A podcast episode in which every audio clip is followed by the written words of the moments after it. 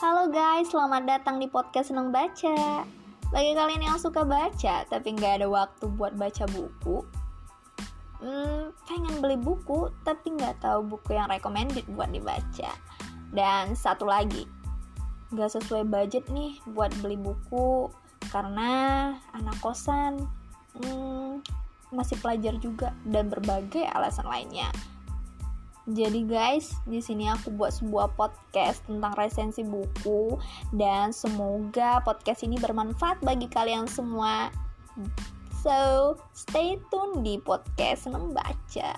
Bye bye.